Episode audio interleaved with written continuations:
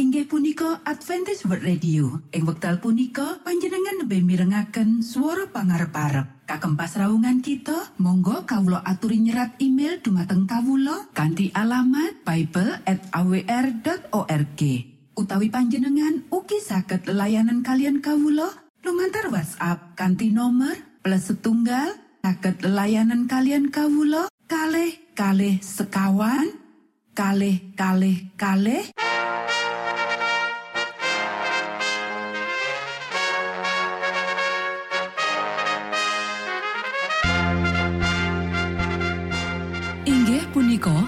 Adventis World Radio ingkang giaran kanti basa Jawi. Tentrem Rahayu kula aturaken kagem poro Mitra kinasih ing pundi papan lan panggonan. Sugeng pepanggian malih kalian Adventis World Radio. Kanti bingahing manah Kulo badi sesarengan kalian poro Mitra kinasih lumantar saperangan adicara ingkang sampun rinonci mligi kagem panjenengan sami. Mugi giaran punika saged migunani tuen dados berkah kagem kita sedaya. Sugeng midhangetaken Gusti amberkahi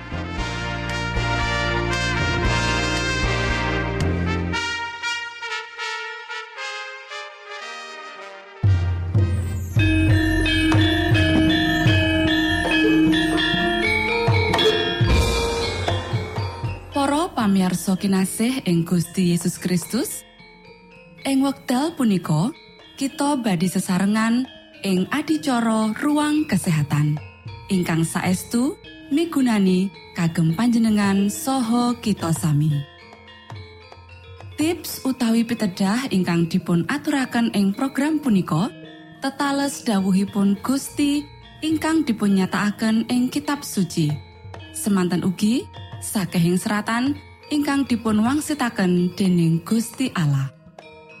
Nanging saderengipun monggo kita sami midhangetaken kidung pujian.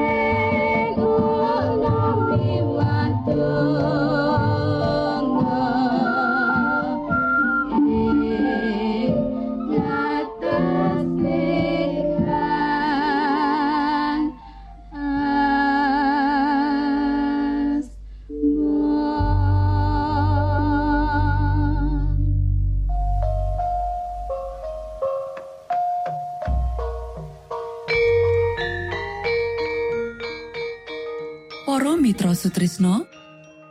Puji syukur dumateng Gusti ingkang murbeng dumati ingkang sampun kepareng paring wewenngan kagem kita. Satemah saged nglajengaken ruang kesehatan. Pirembakan kita semangke kanthi irah-irahan. Kakean mangan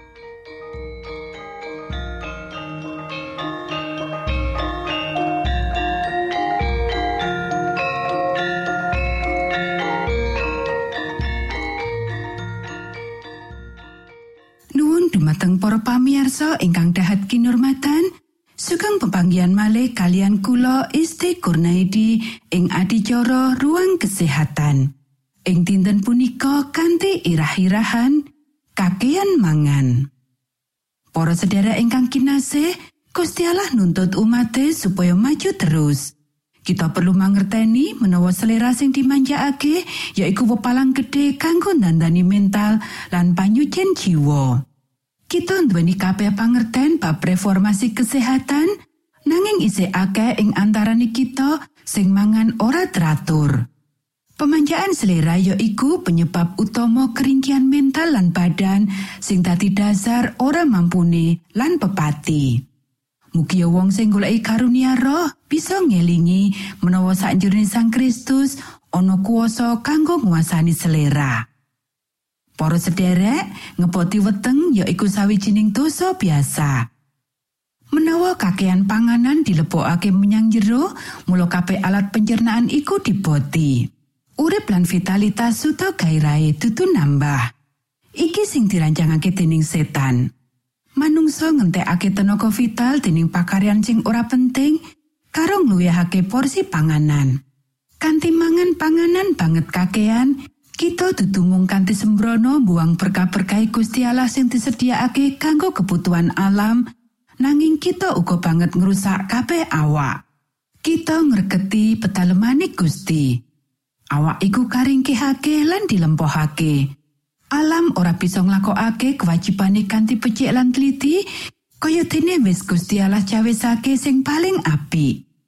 Awit dening amarga pemanjaan selera iki, manungsa wis ngurangi tayaning alam kanthi meksa iku supaya nindakake pakaryan sing ora bisa dilakokake. Sekiranya manungsa ngenal panguripan mesin awake, mula dheweke ora bakal nglakokake kaluputan iki. Kejaba dheweke gandrung marang pemanjaan diri, sak bisa-bisane nganti dheweke terus-terusan nglalu, banjur ngalami pepati turung wancine utawa urip mataun-taun minangka beban marang awake dhewe lan marang kanca kancane. Para sedherek ingkang kinasih, bisa wae kita mangan panganan sing nyihatake kanthi cara sing ora prasaja. Dudu ateges menawa wong sing buang bahan panganan sing rusak dheweke bisa mangan sakake-ake sing dheweke senengi. Pakulinan kakean mangan bakal ngrusak mesin awak lan ngalang-alangi pakaryane senatian panganan iku mutune dhuwur. Para sederek ora tarak sakjroning bab mangan, senatian panganan sing nyihatake bakal nggawa akibat ala menyang awak lan bakal nglempohake mental lan kuasa moral. Meh kabeh anggota keluarga umat manungsa mangan panganan ngluwi takeran. Keluwihan panganan iki basa lan dadi prongkalan mampu ora enak. Menawa panganan sing mutune prasaja wae dilebokake menyang jero weteng, ngluwi takeran sing dibutuhake mesin awak, keluwihan iki bakal dadi momotan. Alat pencernaan budidaya abot mbosokake nganti kerja lembur iki nimbulake rasa sayah lan kesel. Saperangan wong sing mangan terus-terusan nyebut iki maremake rasa luwe. Nanging iki disebabake dening kerja lembur alat pencernaan. Para sederek, pangresulan lan beban sing ora perlu ana mung amarga pepinginan kanggo maremake nyuga daya. Kanggo nyediakake cukup berno panganan ing sak meja, Nyonya omah kerja abot amarga akeh werna panganan sing disediakake. Tamune uga mangan akeh. Leloro lan kasangsaran asil kerja abot ing siji pihak lan akibat kakean mangan ing pihak liyane. Loro-lorone nanggung akibate. Pesta sing mewah iki sawijining beban lan pakebluk. Matur nuwun Gusti amberkahi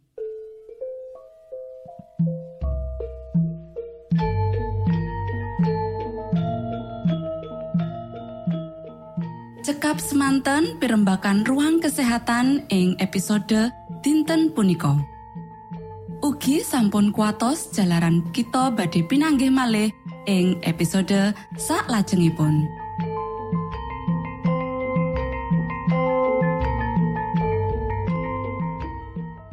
Inggih punika adicara ruang kesehatan. Menawi panjenengan gadah pitakenan utawi ngersaakan katerangan ingkang langkung, Monggo Kulo aturi Kinton email dateng alamat ejcawr@ gmail.com utawi lumantar WhatsApp kanti nomor 025 pitu 00 songo songo papat 00 pitu.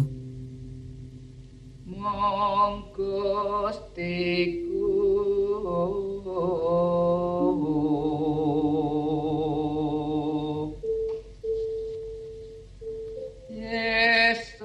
Yesus Kristus kangsa tuhu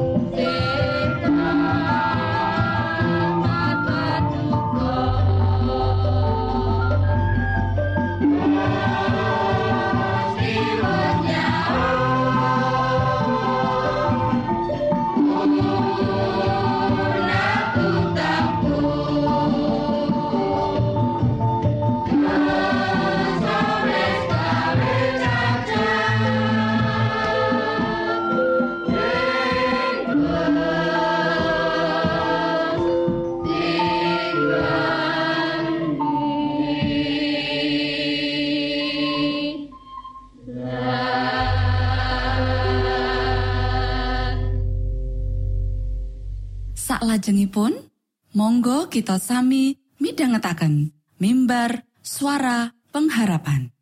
Angkat nafiri kanti pawarto Sang Kristus paderamu. Pro umat samyo puji asmanyo Sang Kristus paderamu. Inggih punika mimbar suara pengharapan ing episode punika kanthi irah-irahan ngutamaake kang paling utama. Sugeng midhangetaken. Minangka tondo Sang Kristus paderamu ilmu kawero tambah tambah. Sang Kristus paderamu paderamu paderamu Sang Kristus paderamu Shalom para sedherek ingkang kinasih wonten ing Gusti. Sakmenika kita badhe mitangetaken renungan Sabto pangantikanipun Gusti. Ing dinten punika kanthi irah-irahan ngutamaake kang paling utama Para sedherek ingkang kinasih dawuh pangantikane Gusti ing kitab Matius pasal 5 ayat 14 yaiku kowe iku padha dadi pepadanging jagat Para sedherek ingkang kinasih, bab sing langgeng kudu nggugah minat kita lan kudu dianggep wigati banget dibandingake karo barang-barang katonyan. Gusti Allah ndhawuhi kita ngutamaake kesehatan lan kesejahteraan jiwa kita. Kita kudu ngerti menawa kita nembe ngrasakake sih kamirahani Gusti Allah, menawa panjenengane semarang kita lan yen kita pancen putrane Gusti Allah.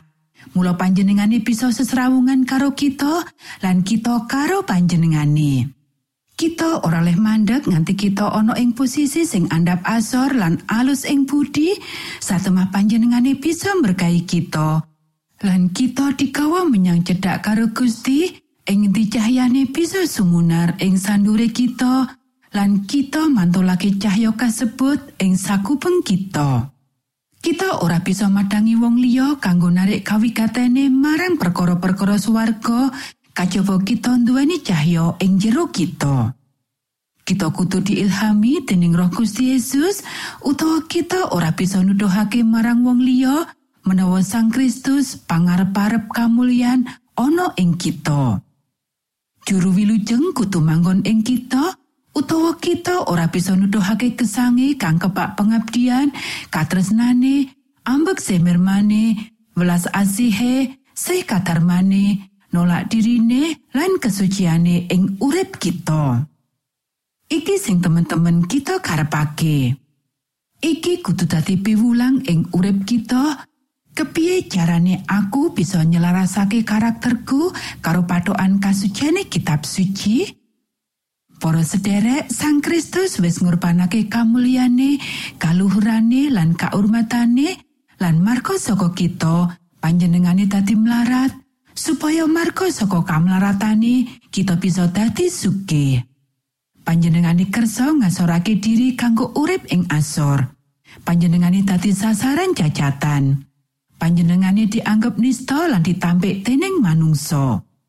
panjenengane nandang kawirangan lan poyokan sing paling larani lan seto kanthi cara sing paling asor supaya panjenengane bisa ngangkat lan nyelametake para putra lan putri Adam sing tumiba saka kasangsaran sing ora ana pangarep-arep Deleng pangorbanan katresnan sing ora ana tandingane sing dituduhake dening Sang Panebus marang kita, Apa kita bakal ngendekake kabeh latusan kita sing ringkeh marang Gusti Allah? Apa kita bakal nggunakake kanggo bisnis utawa kasenengan pribadi? Wektu sing dicawisake kanggo kegiatan agama, sinau kitab suci, nliti ati lan ndedonga? Para sederek, kita ora bangun pangarep-arep kita ing kene, ing donya iki. Tumindak kita wis mene paseksen babagan kapitadosan kita menawa swarga iku pangarep-arep kita. Monggo kita sami ndedonga. Duh Rama kawula ingkang wonten ing swarga, asma patuko mugi kasucikaken. Kraton patuko mugi rawuh, karso patuko mugi kalampahan wonten ing bumi kados dene wonten ing swarga. Kawula mugi kaparingan rejeki kawula sak cekapipun ing dinten punika. So patuko mugi ngapunten kalepatan kawula kados dene kawula inggih ngapunteni tetiang ingkang kalepatan dhateng kawula. Punapa dene kawula mugi sampun ngantos katantukaken dhateng ing panggoda nanging mugi sami patuko uwalaken saking piawon. Awit dene patuko ingkang kagungan kraton saha wisesa tuen kamulyan salami laminipun. Amin.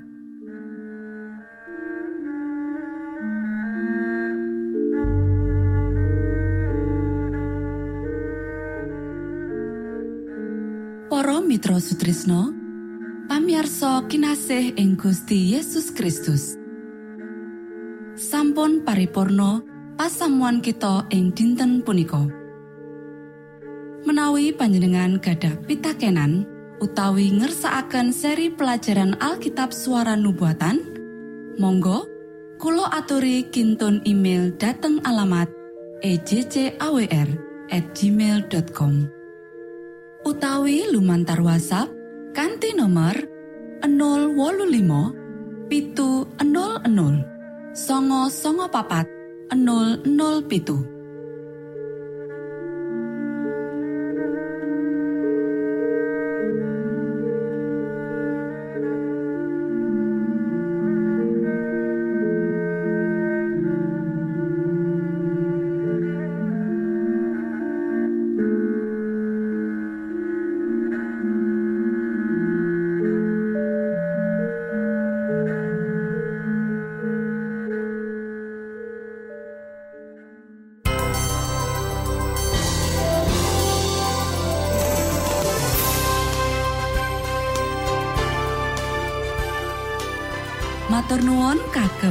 kagem wektalipun kita badhe pinanggih malih ing gelombang ugi wekdal ingkang sami.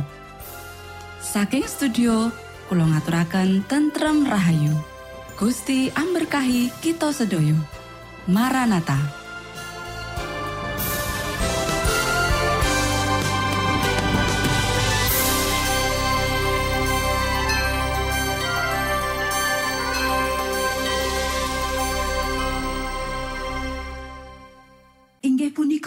Adventist World Radio. Ing wekdal punika panjenengan lebih mirengaken suara pangarep-arep. Kagem pasraungan kita, monggo kawula aturi nyerat email dumateng kawula kanthi alamat bible@awr.org. Utawi panjenengan ugi saged layanan kalian kawula lumantar WhatsApp kanthi nomor plus setunggal saged layanan kalian kawula kalih kalih sekawan kalih kalih kalih